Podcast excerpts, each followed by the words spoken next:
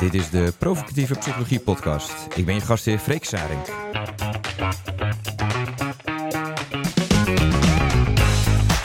In deze podcast praten we over de klinische praktijk, de wetenschap en de meningen van mensen die werken in de psychotherapie of gezins- en relatietherapie. Altijd vanuit een provocatief perspectief en met veel aandacht voor de rol van humor.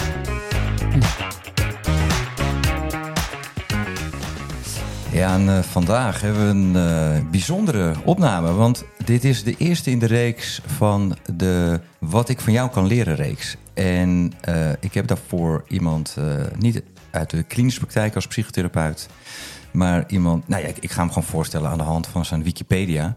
Waarvan hij niet wist dat hij bestond, maar bij deze dus wel. Oké, ik pak even mijn computer erbij om hem goed af te lezen. Nou, volgens Wikipedia is jouw naam mm -hmm. nog erger dan de langste Spaanse namen waar ik tegenwoordig regelmatig mee te maken heb.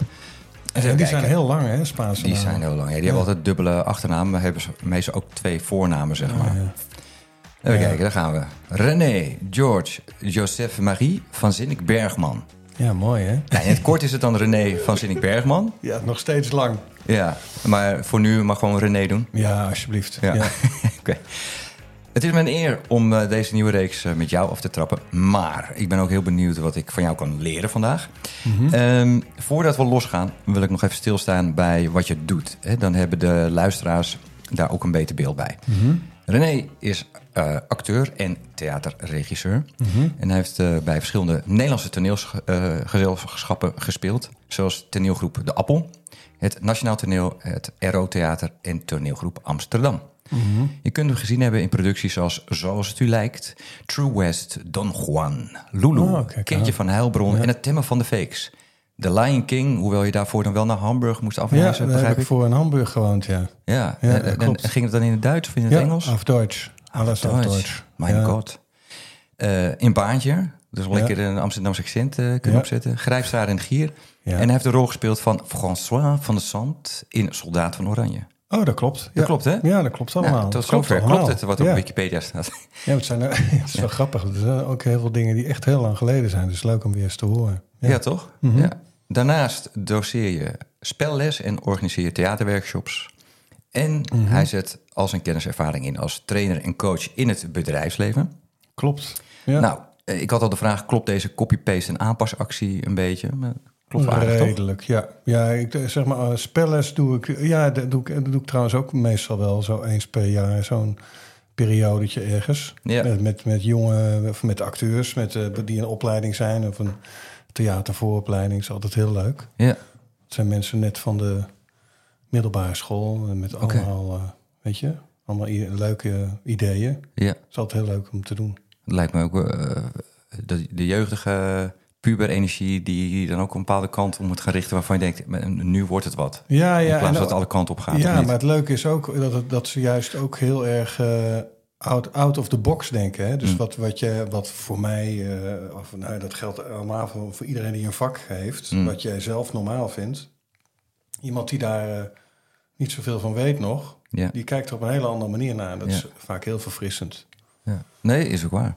Nee, en het wordt wel eens laatdunkend gedaan natuurlijk over, over, over de jeugd. Maar die hebben een bepaalde frisheid uh, Absoluut. Die, die, we goed kunnen gebruiken eigenlijk. Ja, zeker. Ja. Hey, en nu uh, kan ik me voorstellen dat er luisteraars denken... wat moet een theatermaker in een podcast over de provocatieve psychologie? Ja.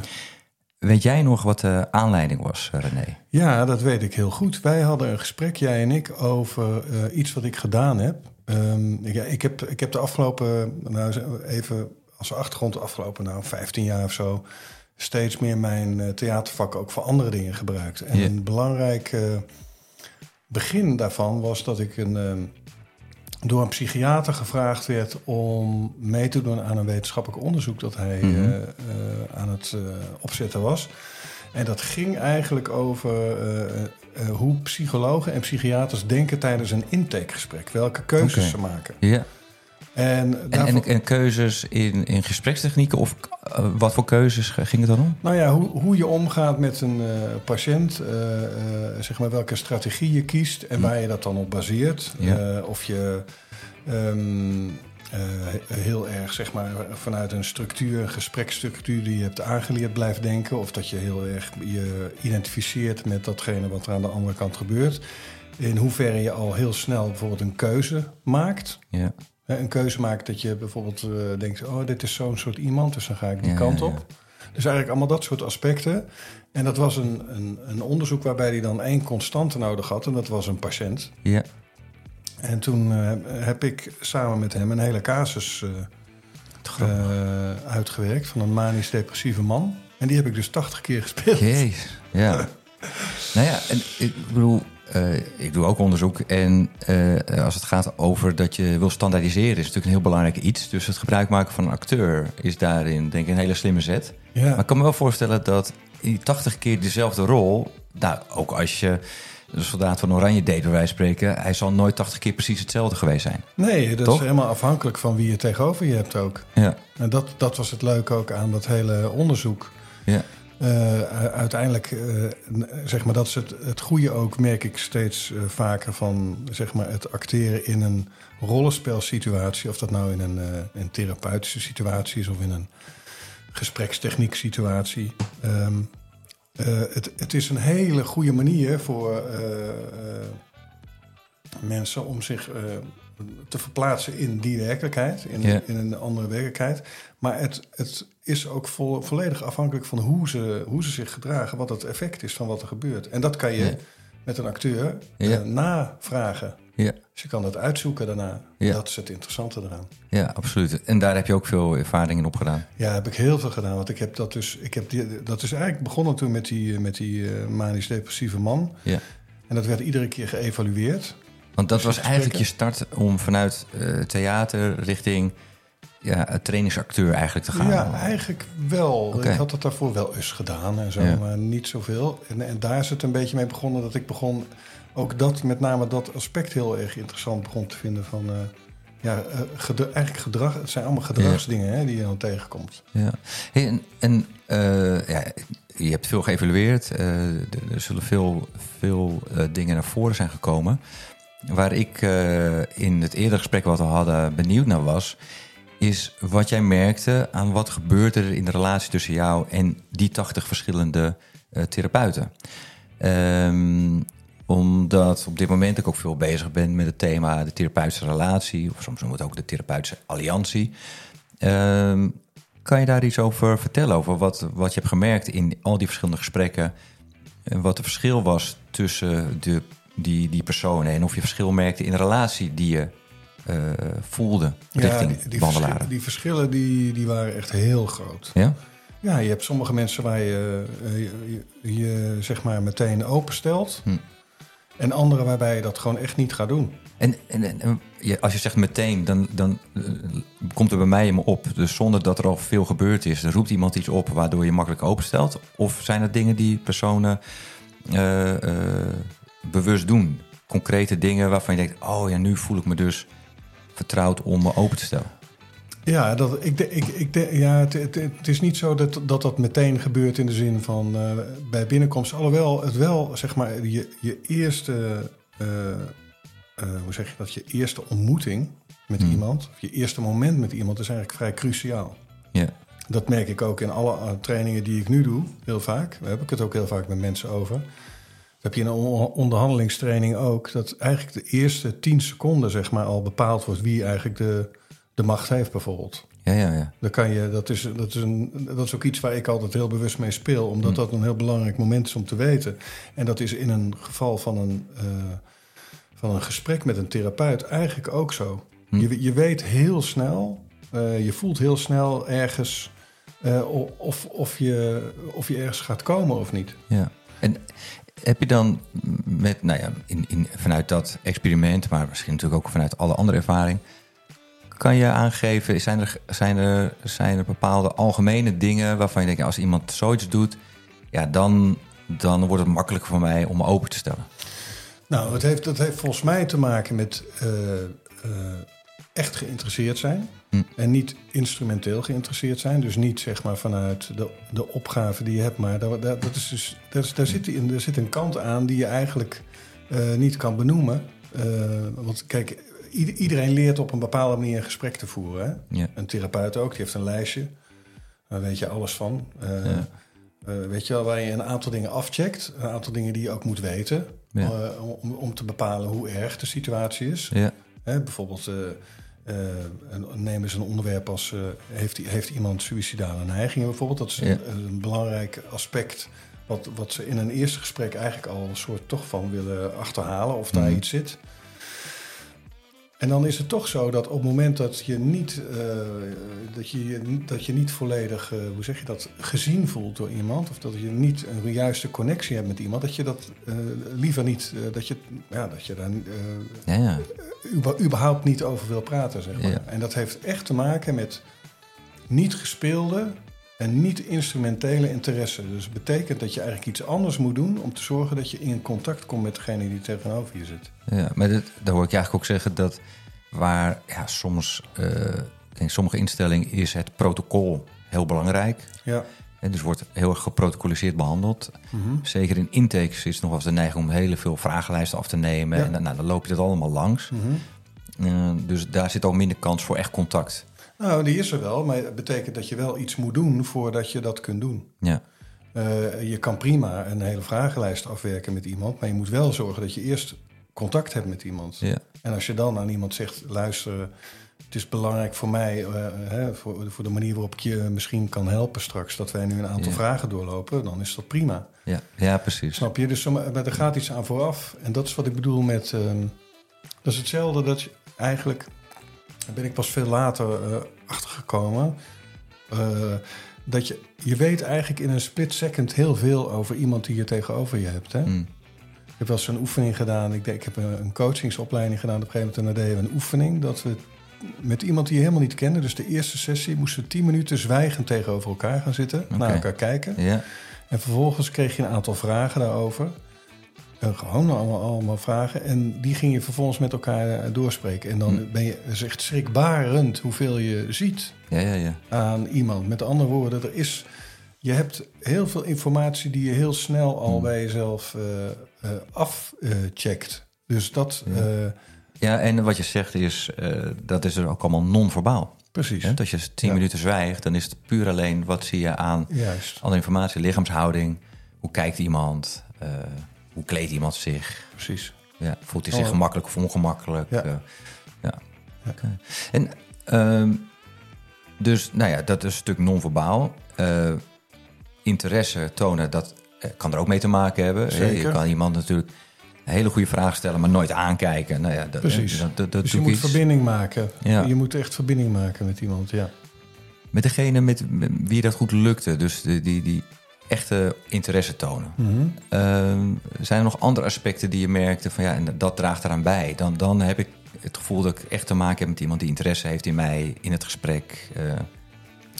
Nou, dat, is- er is ook een, eh, een, een, eh, een energiekwestie. Dus ik had, ik had soms dat je zo'n gesprek uitkomt dat je er heel zwaar van bent geworden, Mm. zelf. Eh, en, eh, en, en, en soms kom je er helemaal eh, geïnspireerd uit. Ja, zeg maar. ja. Dus er is een verschil in. En dat heeft met de energiebalans te maken. Je hebt, je hebt mensen die in staat zijn om. eh, eh, ja, hoe moet ik dat uitleggen? Dat is echt een lastig onderwerp om het over te hebben, merk ik. ja. Want hoe, hoe, hoe, waar, waar, waar zit hem dat dan in? Hè? Dat heeft, heeft, heeft met een soort, een soort lichtheid te maken, maar het heeft ook te maken... er zit ook wel degelijk een soort afstand in een materie. Dus het is, het is niet zo dat, dat... Kijk, mensen die zich heel erg vereenzelvigen met de situatie... is ook, ook eigenlijk niet, Mhm. niet goed, snap je? Want dan, Ja. dan, dan versmelt je eigenlijk eh, met degene die het probleem heeft. Ja, zeg je, maar. bev- je bevestigt dan alleen maar eh, de zwaarte van het probleem. ja, precies. Misschien ook het gevoel van hopeloosheid. Of, Precies. Dus hebben wat, wat ook eh, geleerd wordt, hè, dat, dat, dat mensen empathisch moeten zijn en dat ze moeten zeggen: Goh, dat is wel heel eh, moeilijk en zo, dat is Ja. wel heel erg voor je en zo. Dat is natuurlijk zo, maar daar zit ook, daar zit ook Ja. een bepaalde grens Als je aan. dat te veel doet, dan... eh, Precies, dan, eh, dan zak je met z'n tweeën in de, in de modder, zeg maar. Die, dat, Ja. En je hebt dan altijd mensen die zeg maar zelf ook een- een- aan de zwaarmoedige of te serieuze kant zijn. Dus er zit een lichte kant aan. ja. En daar zit dus een zekere mate van afstand in tot de, tot de patiënt, zeg maar. En tegelijkertijd verbind je je heel erg aan die patiënt. Dus dat is, een, dat is eigenlijk... Uh... Nou ja, dat is, uh, dat is een ander aspect wat uh, in, in, in een artikel van een Belgische collega van mij, Christophe Panicelli, die schrijft over, dat heet dan de auto-double bind. En de double bind gaat erover dat je als, als therapeut heb je een, een dubbele, dubbele verbinding moet je aangaan. Enerzijds empathisch zijn om hè, aan de kant van de cliënt te staan, te, te, te laten merken ik ben hier voor jou. Door de vragen die je stelt, de samenvatting die je geeft, de juiste reflectie van gevoel op het juiste moment ja. aan te geven van ik snap je. Ja. Um, maar tegelijkertijd, als, als dat het is, dan verandert er niks. He? Therapie is ook een plek voor verandering. Ja. En voor die verandering moet je, moet je iets doorbreken. En dan mhm. moet je dus juist uit, uit, die, uh, uit het perspectief van de cliënt stappen.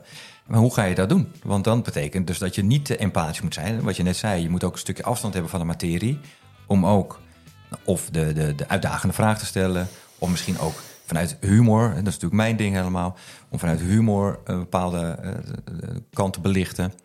Uh, en dan zit je eigenlijk gevangen in twee, twee tegenovergestelde. En mm nou, hij geeft ook aan, daarin zijn humor belangrijk om, om die brug te maken. Ja, humor, wat humor doet, en dat, ik bedoel, dat, dat doet een, een, een, een, ja, zeg maar een andere vorm van confrontatie doen. Dat eigenlijk ook is, je brengt iets in beweging. Hè? Je probeert iets uit zijn, uh, uit zijn vaste structuur te halen. Dat precies, is wat je doet. Precies, ja. En dat, dat maakt, dat is echt nodig ook, volgens mij, om überhaupt, zeg maar, degene die tegenover je zit op de een of andere manier in beweging te krijgen. Dat hij het gevoel heeft van nu, nu, gebeurt er iets. Ik heb, ik heb zelf nu, als ik in coachingsgesprekken zit, dan, dan, dan voel je meteen als je ergens op een punt aankomt met iemand dat je denkt: oh ja, nu, hmm. nu, uh, nu, nu is dit is zo'n zo'n ja, zo'n een keerpunt of hmm. een, een bewegingsmoment dat je ineens ziet dat er een soort inzicht is bij iemand. Of, zo, en dat voel je in de energie van het gesprek ja, ja, gewoon. Ja, absoluut. Ja.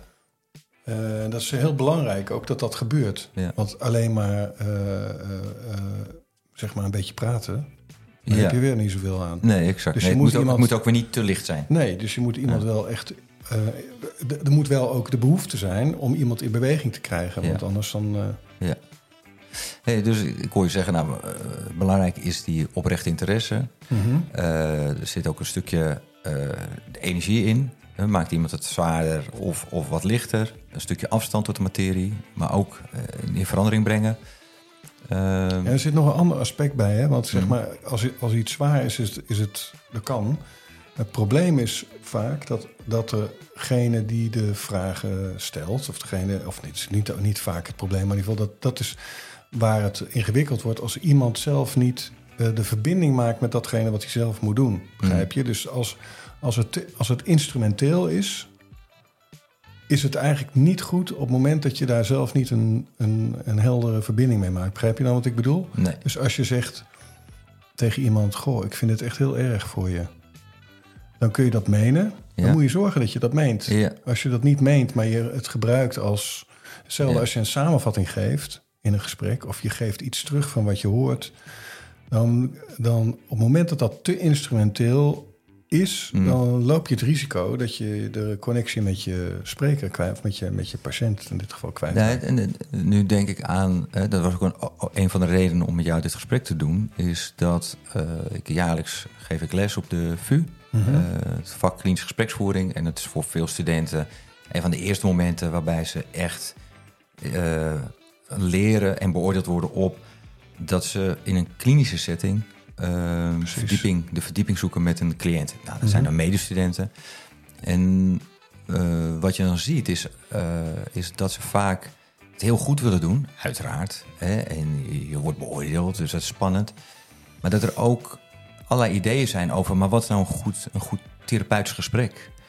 En dan krijg je dat ze eigenlijk al geladen zijn met allerlei scripts. En, en dit moet ik doen en dat moet ik afvinken. Oh, dan moet ik ook op tijd een reflectie van gevoel. En, en eigenlijk wat ik jou wil zeggen is... op het moment dat iemand daarmee bezig is... dan verlies je het contact. Nou ja, weet je, het, het is ook het is een leerproces ook. Hè? Logisch, hetzelfde als dat je auto leert rijden. Ik bedoel, je, je leert een aantal vaardigheden... en dat gaat nog... dat is misschien nog niet helemaal van jezelf. Wat ik eigenlijk vooral... wat, wat ik daarmee bedoel is dat je moet het altijd uh, verbinden aan jou, aan, wat, aan, aan, wie jij zelf bent. Ja. Snap je? Het moet vanuit jouzelf komen, want anders werkt het niet. Ja. En ook ja, als je het instrumenteel wil maken, dat kan prima als jij dat op een bepaald moment, als je daarvoor kiest. Maar het moet niet. eh, eh, je, moet, ja, je, je moet het menen. Ja. Dat is eigenlijk, dat is eigenlijk, ja, ik kan het Ja. bijna niet anders zeggen. Je moet menen wat je eh, doet. Nee, precies. En, en dus in plaats van te denken, ik moet ergens een keer een reflectie van een gevoel doen. Ik moet ergens een keer confronteren. Ik, Ja, eh, is, is volgens mij wat je ook zegt, het startpunt is oprecht interesse. ja, Ga gewoon luisteren. Eh, voor- in mijn ervaring is het ook zo dat op het moment dat je oprecht interesse hebt, dat, je, dat het makkelijker is om naar iemand te kijken, eh, dingen op te vallen. En van daaruit komen vanzelf wel de vragen. Een reflectie Ja. van gevoel, een Ja. confrontatie, Ja. een samenvatting. Ik snap eigenlijk niet wat je zegt, kan je dan nog eens een keer uitleggen? ja, ja, ja. En, en, en dan komen die puzzelstukken vanzelf wel. Terwijl als je van tevoren al denkt, oh, ik moet heel erg me, richten op dat goede gesprek, dan zit je veel meer in je hoofd. Mhm. In plaats van dat je bij eh, de cliënt zit, zeg maar. Ja, en eh, ik, voor mij, ik heb een, een paar jaar geleden een, eh, een opleiding Socratische gespreksvoering gedaan. En wat ik, ik daar, even los van het theoretische aspect, wat ik minder eh, ehm, prettig vond, zeg maar. Maar wat, wat ik daar echt geleerd heb, is de kunst van het vragen stellen. Als je Hmm. een goede vraag stelt, dan ga je ook automatisch naar de ander toe. Hè, want je, je, daar, daar zit iets in wat je wil weten. En dat brengt je met je aandacht bij degene die tegenover je zit. Dat is Ja. super belangrijk. Dus Ja. hoe meer vragen je, stelt, dan kom je eigenlijk al die, eh, die dingen die je noemt tegen. En die kun je op dat moment eh, eh, inzetten. Ja. Reflectie geven, een gevoelsreflectie geven. Of iemand confronteren met wat er gebeurt. En zeggen, ja, maar wat je nu zegt, eh, vind ik eigenlijk heel, eh, heel gek. Want, eh, et cetera. Dan kun je, Ja. dan kun je alle, alle mogelijke vormen kiezen. Ja. Dit vragen stellen is wel echt een ding hoor, vind ik. Ja? Toch? Ja, vragen stellen is En- super belangrijk. Oh, op die manier, ja. Want ja. aan- als, als je, en dat is ook weer, hè, dat, heeft met, dat komt ook vanuit jezelf. Dat is wat jij belangrijk vindt. Intrinsieke nieuwsgierigheid is volgens mij echt Hmm, een, een hele belangrijke vaardigheid om te trainen voor jezelf. ja. Daar start eigenlijk alles mee. Ja. Nou ja, en, en, en wat je zegt, het is natuurlijk ook voor eh, beginners eh, is het allemaal moeilijk, want je moet aan zoveel dingen tegelijkertijd Ja. denken. Dus het is ook logisch dat dat dan niet altijd lukt. Nee, dat mag ook. Ja. Eh, vooral vooral, eh, vooral op, eh, op, op je bek gaan, zeg maar. Ja. Is Terwijl ik wel denk, met autorijden is het wel heel goed dat je eh, goed oplet. Dat, Ja. je, dat je technisch het goed doet, zeg maar. Zeker. En niet dat je meteen denkt, nou, ik ga lekker een soort van Nee, stappen zo. Of een beetje cruisen en ik zie wel hoe de rest... Nee. Terwijl ik denk in de gespreksvoering met cliënten... mag je bij wijze van spreken al wat, wat meer gewoon jezelf zijn. Ja, je, je, En, en dan ben je nog geen Max Verstappen. Nee. Eh, dan ben je nog geen Freud. Dan ben je nog geen... Maar wel jezelf zijn. En van daaruit eh, gaan kijken... hé, hey, wacht, wat was een goede moment voor nou, een bepaalde techniek? Ja. Ehm, ja. En ehm staan we nog bij. Volgens mij noemde je eh, destijds ook iets over authenticiteit. ja, Heeft, heeft dat te maken met wat we net besproken hebben? Dus iemand die echt eh, oprecht interesse toont... ja, dat heeft daarmee te maken. Of, Ja, eh, ik de, eh, dan kom je weer op dat instrumentele of het niet-instrumentele. Natuurlijk eh, heb je technieken en vaardigheden eh, nodig en die moet je oefenen. ja. En vervolgens moet je zorgen dat je die je zo eigen maakt dat het lijkt alsof het echt vanuit jezelf komt. Ik vind Ja. het een gesprek altijd eigenlijk het beste op het moment dat het heel natuurlijk aanvoelt, terwijl Mm. je toch voelt dat het een duidelijke structuur heeft. ja, absoluut. Ja. Toch? Dus, en, en, en dat heeft echt met authenticiteit te maken. Dat betekent eigenlijk gewoon ook dat je moet durven te laten zien eh, wie je zelf bent eigenlijk. Ja, En dat is nog best een ding. Vinden mensen heel lastig. ja. Denken eh, dat ze zich moeten verschuilen achter iets. Of dat ze... Maar uiteindelijk... eh, ehm, en dan kom ik weer op wat ik eerder zei over die... die, die, die zeg maar wat je ziet op het moment dat je... Hè, wat, wat er non-verbaal gebeurt. Wat je allemaal opslaat aan informatie. Je voelt dat meteen. Hm. Je voelt meteen wanneer een, een vraag of een bepaald onderwerp eh, niet oprecht of niet, niet authentiek is. Hm. En dat, dat kan, hè? Dat, kun, dat kun je ook weer als tactiek in. Dat kan. Het kan Ja. zijn als je om iemand te confronteren dat je dat heel doelbewust gebruikt, natuurlijk. Ja. Het is maar net hoe je dat. eh Nou, het, het is vaak denk ik de confrontatie die juist ook heel authentiek kan maken. Mhm. Omdat je daarmee iets van jezelf laat zien. hè, als gesprekspartner of als therapeut. Of, maar in het algemeen, je laat iets van jezelf zien. En eh, het laat ook zien dat je niet, niet schuwt om dat te doen. Maar dat je ook aan het opletten bent. Ja.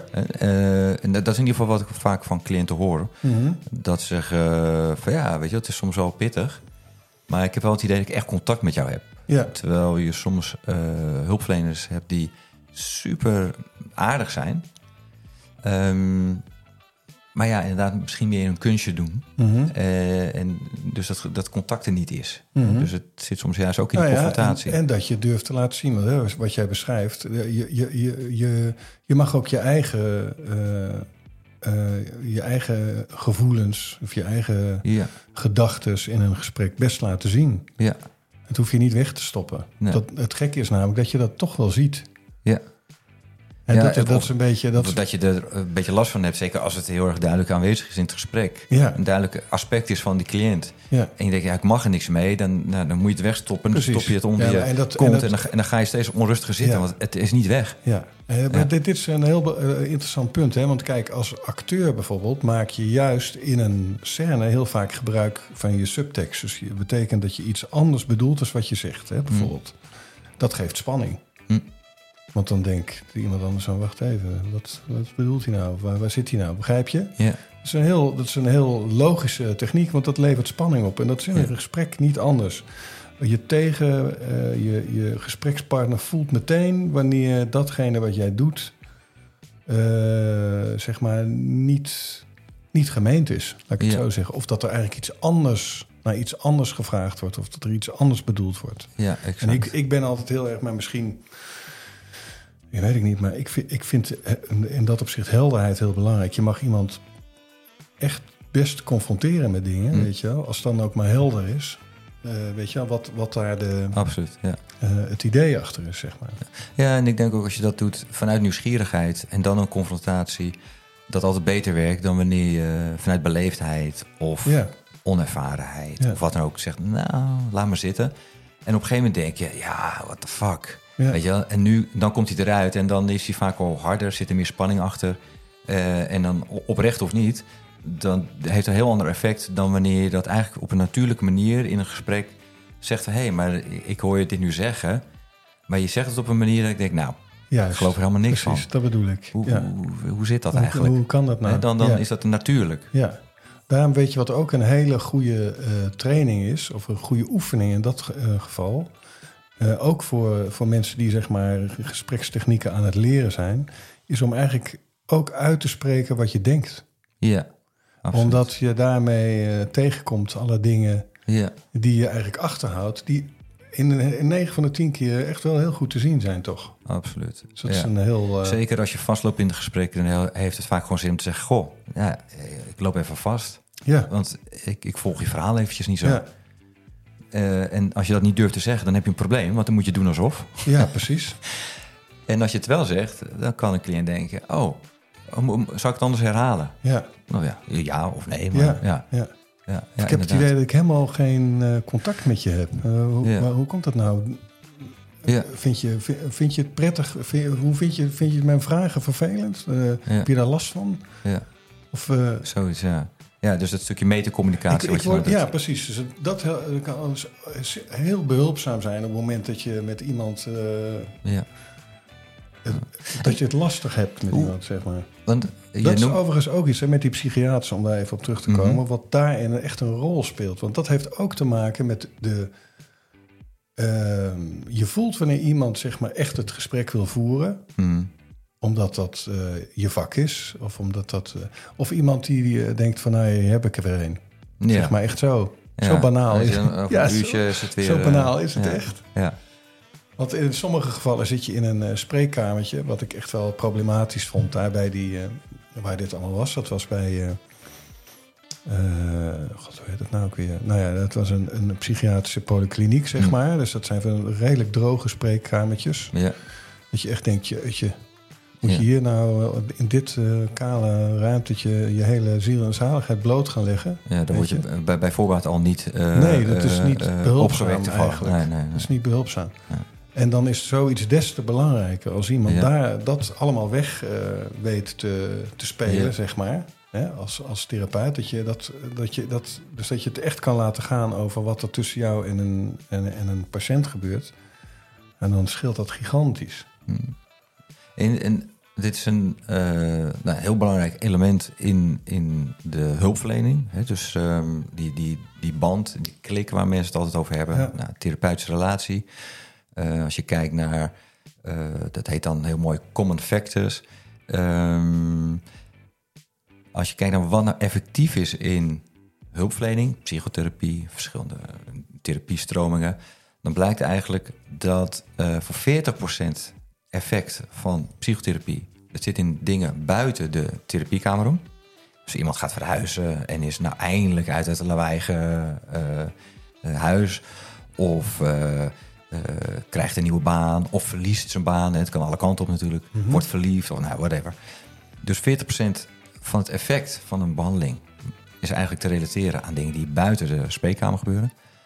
En uh, dan is iets van nou, 10, 15 procent kan toegeschreven worden aan een heel specifieke welke vorm van therapie kies je. Mhm. En 30 procent uh, is, heeft te maken met common factors. En common factors dat zijn eigenlijk wat alle psychotherapievormen gemeen hebben. Dat is namelijk dat je wel of niet die therapeutische relatie kan, kan mm -hmm. aangaan. Um, het vertrouwen dat een cliënt heeft in, in de hulpverlening. Nou, het feit dat je iets aanbiedt, geeft ook het gevoel van... hé, hey, maar dan, dan is er dus een uitweg voor me. Mhm. Mm -hmm. nou, dat effect, dat vertrouwen hebben, dat is Ja. een belangrijk element. Mhm. En uh, daadwerkelijk, zeg maar, dat jij als, als professional in jouw uh, expertise... Uh, kan aangeven, nou, dit is wat ik doe... Daar heb ik vertrouwen in. En een cliënt die denkt, oh ja, jouw werkwijze... oh ja, dat, dat past wel bij mij. He, dus dat is ook een belangrijke factor. En het gaat helemaal niet om wat je precies doet, alleen over dat vertrouwen. Ja, het gaat puur over het contact. He, dus ja. die, en, en daarin wordt, ja, dat is in, in cijfers heel lastig uit te drukken. Uh, hoe ga je dat precies specificeren? Maar de meeste uh, therapeuten zijn het erover eens dat die therapeutische relatie daarin uh, de belangrijkste factor is. Dus het is vrij bescheiden eigenlijk als je kijkt naar het effect wat je kan hebben. Mhm. Mm -hmm. Maar als je nou iets gaat doen, dan heeft het wel meer effect dan welke therapeutische stroming je ook kiest. Moet je toch nagaan, hè? Die therapeutische ja. relatie is dus hè, van wezenlijk belang. Mm -hmm. uh, is dat ook zo op het moment dat je aan het acteren bent? Want dan heb je eigenlijk hè, je hebt een script. Dat is ook een soort van protocol. Mm -hmm. um, ik neem, aan, ja, ik neem aan dat je daar ruimte in hebt natuurlijk om, om jezelf in te leggen. Uh, Zeker. Uh, je ja. gaat niet als robot het script uh, af. In hoeverre speelt daar, daar ook een rol? Iets als een therapeutische relatie, maar dan met je medespeler, zeg maar? Nou ja, ja, dat speelt absoluut een rol. Ik denk dat zeg maar, wat je als, bij, als acteurs hebt, dat je samen zo goed mogelijk een scène wil spelen, bijvoorbeeld. He, dus dat je, dat, je, dat je daarin elkaar ook probeert te helpen. Ja. En je helpt elkaar door het elkaar op een professionele manier moeilijk te maken. Hè? Zodat iemand kan excelleren. Je hebt, je hebt acteurs die andere acteurs beter maken, bijvoorbeeld. Ja, ja, ja. En dat heeft daarmee te maken. Uh, er zit een hele belangrijke, en dat is volgens mij een, grote overeenkomst die je ook hebt in een gesprek. Uh, is een, een, heel, eigenlijk iets heel banaals. Is de, gun, de gunfactor. Hm. Weet je wel? Uh, ik, ik wil dit aan jou.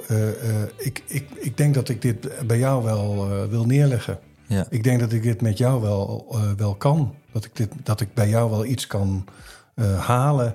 Ja. Dat heeft met vertrouwen te maken. Ja. Als dat je weet van oké, okay, ik denk dat als ik hier, hè, dat, is, dat is in een acteurssituatie zo, als ik het nu echt heel ingewikkeld maak, dan heb ik misschien iemand anders die, uh, die veel gestructureerder is dan ik, die dat dan weer daardoor juist in goede banen kan leiden. Ja, ja, ja, dus het precies. heeft heel erg te maken met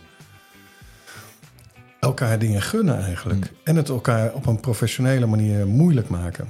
En zit het er ook in dat je, je noemde in het begin die, die oprechte interesse. Dat je vanuit je rol, het is een rol, je bent het niet, die andere is het ook niet, je speelt het. Mm -hmm. Maar dat je de kunst verstaat van, ik vanuit mijn rol ben echt geïnteresseerd in jouw personage. He, dus dat het ja, dat... minder gespeeld is en echt oprecht is. Nou ja, kijk, het, een veel, een veel uh zeg maar wat acteurs heel vaak zeggen als ze aan het spelen zijn, of wat je regisseurs heel vaak hoort zeggen, is: ja, dit geloof ik niet. Ja. En dat heeft daarmee te maken. Dus het moet ten alle tijden, wat het ook is, je moet het, je moet het wel kunnen geloven. Je moet je, als je er naar kijkt, moet je je erin kunnen verplaatsen, kunnen denken, dit is echt. Ja. En dat is precies die, eh, dat, dat spanningsveld tussen iets moeten doen wat misschien heel ver bij je vandaan ligt. En dat Mm. geldt in een therapeutische relatie natuurlijk ook zo, of kan zo zijn, dat je in een situatie komt dat je denkt, dit vind ik heel lastig heel ingewikkeld om er dan toch iets mee te kunnen doen, zodat iemand anders ja, die, die, eh, die, dat, dat, dat gelooft of die verbinding eh, voelt. En dat is, dat is in spelen wel echt. Kijk, je, ehm, eh, je, je kan echt goed met iemand samenspelen op het moment dat je gewoon weet van oké, wij, wij, wij, weet je wel, wij zijn aan elkaar gewaagd. En, je, en jij weet dat als, als ik dit doe, dat ik dat niet doe om jou zeg maar, pootje te haken. pootje te haken, maar dat doe ik om, om te, te zorgen dat datgene wat we samen aan het doen zijn, er beter van wordt. Ja. En dat is het leuke spel. Dus acteren gaat natuurlijk heel erg over dat contact. En dan, daarvoor heb je dat contact wel echt nodig. Ja. Ik herinner me heel goed van vroeger dat eh, acteurs wel eens, eh, of op school, is dat als je dat aan het leren bent bijvoorbeeld, dat mensen zeggen: ja, je, je, je kijkt niet of je luistert niet goed Hm. naar wat er gebeurt. Super belangrijk. Gaat helemaal daarover. Ja. Dat je op je eigen spoor zit en dat je eigenlijk vergeet dat eh, vergeet eigenlijk te, te zien wat er, wat er om je heen gebeurt of wat er tegenover je bij iemand anders gebeurt. Als je dat niet Ja. ziet of als je dat niet voldoende, als je je daar niet voor openstelt, dan snap je. Als Dan ben je misschien ook te veel bezig met je eigen rol. En Precies. die misschien vanuit goede bedoelingen goed neerzetten. Ja. Maar als je heel erg bezig bent met je eigen rol, sta je niet open voor wat er eh, om je heen gebeurt. Precies. En En heb je niet is- die synergie. Juist, en dat is in een repetitiefase. Daar heb je natuurlijk een repetitiefase ook voor om dat allemaal te ontdekken. Maar uiteindelijk, als je het gaat spelen, dat is heel vaak. Hè, dan, hebben, dan kun je, heb je een voorstelling. De ene keer gaat die beter dan de andere keer. Absoluut. dat ja. is in een gesprek ook trouwens zo. De ene keer gaat Ja. het beter dan de andere keer. Maar hoe komt dat nou? Nou, het heeft te maken, ik denk te maken met Mhm. wat ik net, eh, wat in me opkwam. Is als je dit repeteert, hè, je hebt een personage repeteert en dan, dan, dan maakt het kan moeilijk en het wordt een synergie en nou, het staat er goed. En dan moet je het vervolgens 120 keer moet je dat gaan doen. Ja, Eh, lijkt me heel lastig, maar goed, dat is dan natuurlijk ook je vak als acteur. Om 120 keer die energie, die interesse, Mhm. het- dat niveau te halen. Mhm. Ehm, maar goed, dat is natuurlijk in, in, in een therapeutische relatie net zo. Mhm. Als je zes cliënten op een dag ziet, vijf dagen in de week, Ja. jaar in, jaar uit, dan kan het ook niet zijn dat je elk gesprek eh, evenveel die interesse Nee, hebt. tuurlijk. Die zit met je gedachten ook wel eens bij. Oh ja, ik moet straks ja. wel even opschieten, nog want ik moet de doen. kinderen ophalen. En dan, eh, toch? Dus dat, en- heeft een acteur ook, hè? Dat hij een, eh, een monoloog eh, staat te spelen en ondertussen denkt... oh, mijn hypotheek is wel heel... en nu moet ik... Je moet toch echt nu gaan oversluiten? ja. Nee, maar snap je? Dat is logisch. Ja, dat is als, ik lo- wat, als, als ik wat sneller praat, kan ik misschien nog net voor sluitingstijd... kan ik even bellen met de kantoor. We hebben het ooit gehad, trouwens, een leuke anekdote in dat verband. eh, dat wij een voorstelling speelden bij de Appel, echt heel lang geleden. En ehm, dat was in Tsjechov. En eh, da- daar, zat een rol in van een vrouw en die was overleden, die actrice. Dat was een oude, echt een Hm. bejaarde actrice. Dat is wat je bij Tsjechov vaak hebt, een, een huishoudster, zo'n soort rol. Oké. En wij waren allemaal heel dol op haar. En zij Ja. was dus overleden tijdens de productie. Ach. En toen had de regisseur besloten van... nou ja, weet je, die laten we er gewoon uit. Hm. En dat, daar waren wij zo gefrustreerd over met z'n allen... Dat, dat, dat, dus, dat dat dus het resultaat was Ja. van haar overlijden, zeg maar.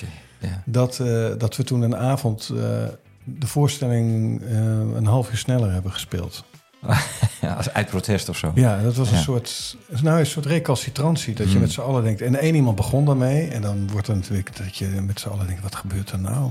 En dat Ja. dat doorgaat. En dat je dus. Dat werd een soort ratelvoorstelling. Maar het gekke eraan was, wij hadden de grootste lol natuurlijk met elkaar.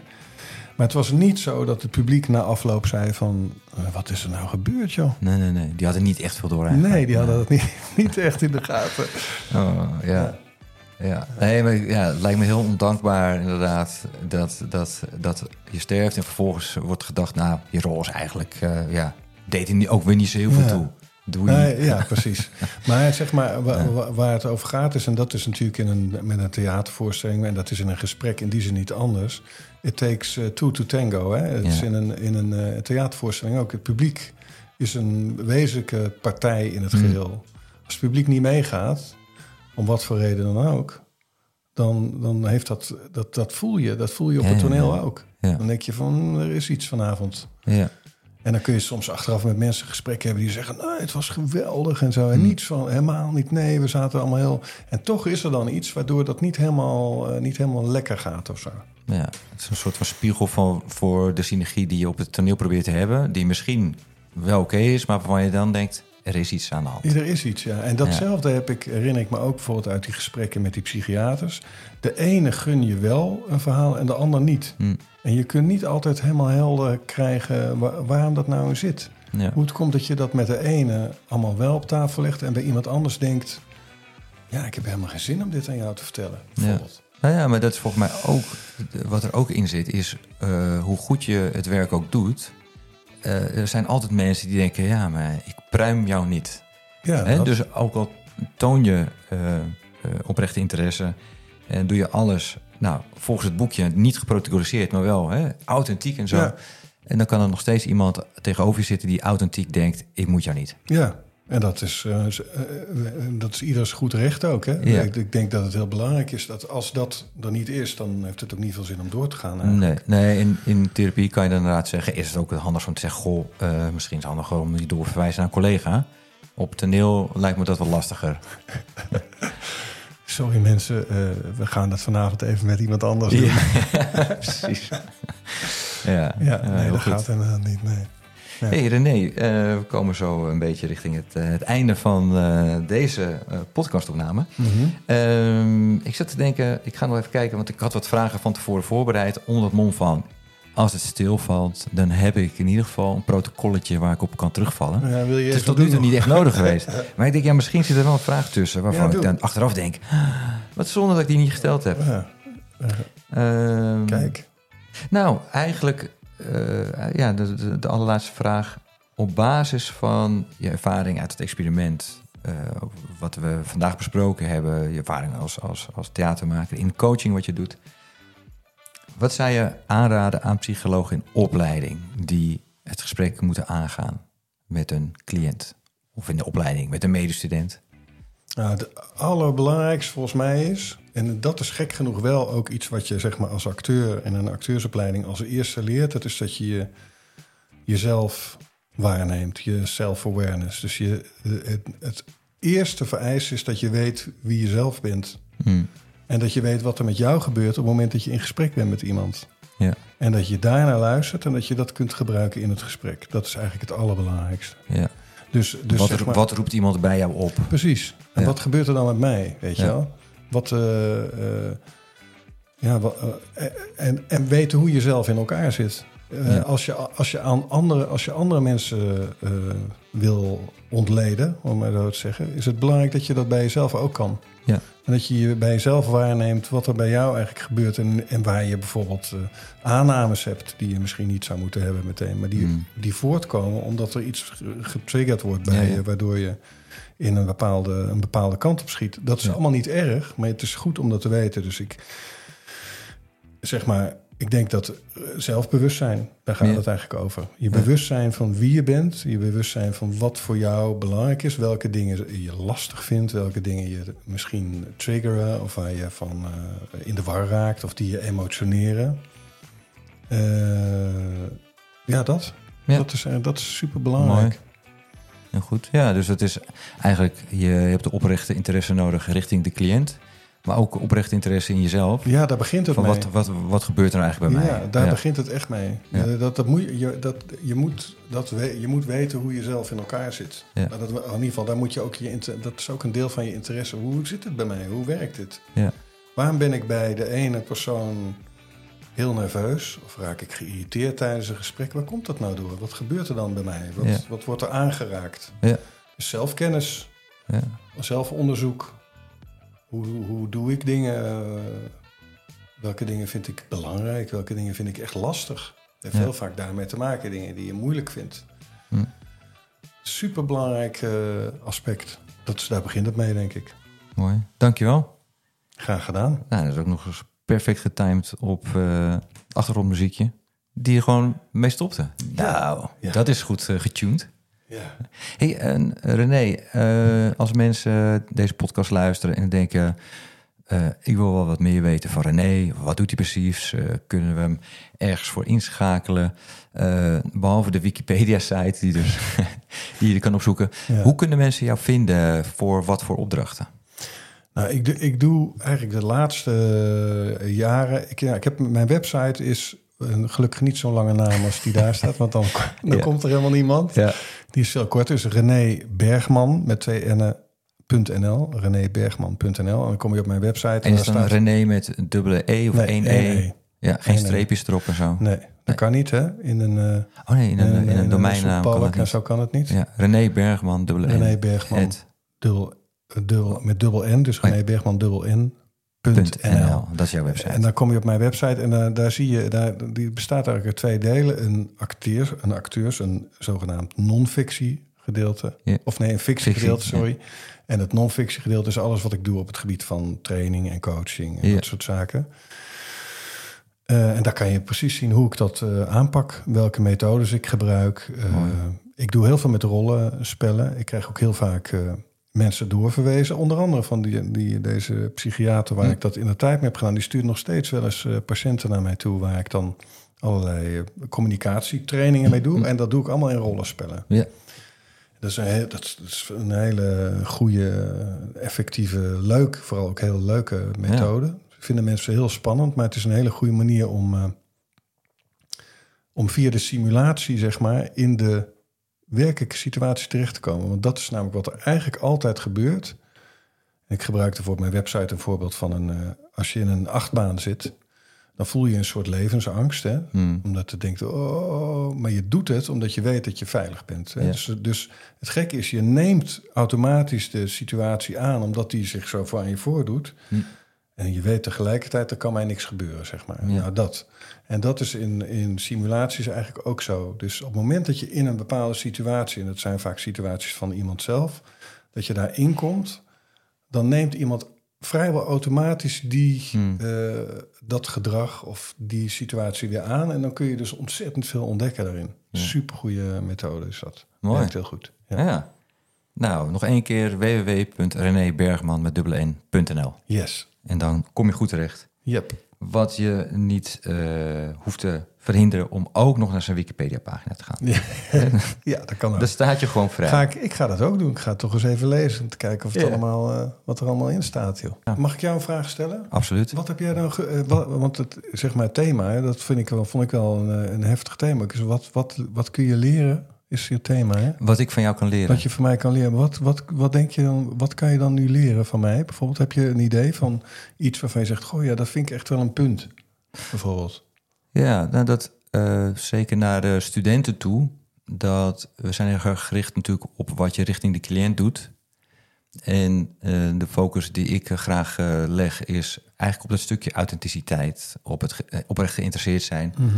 Maar wat je net noemde is, op, op het einde is eigenlijk, je moet ook die oprecht interesse in jezelf hebben.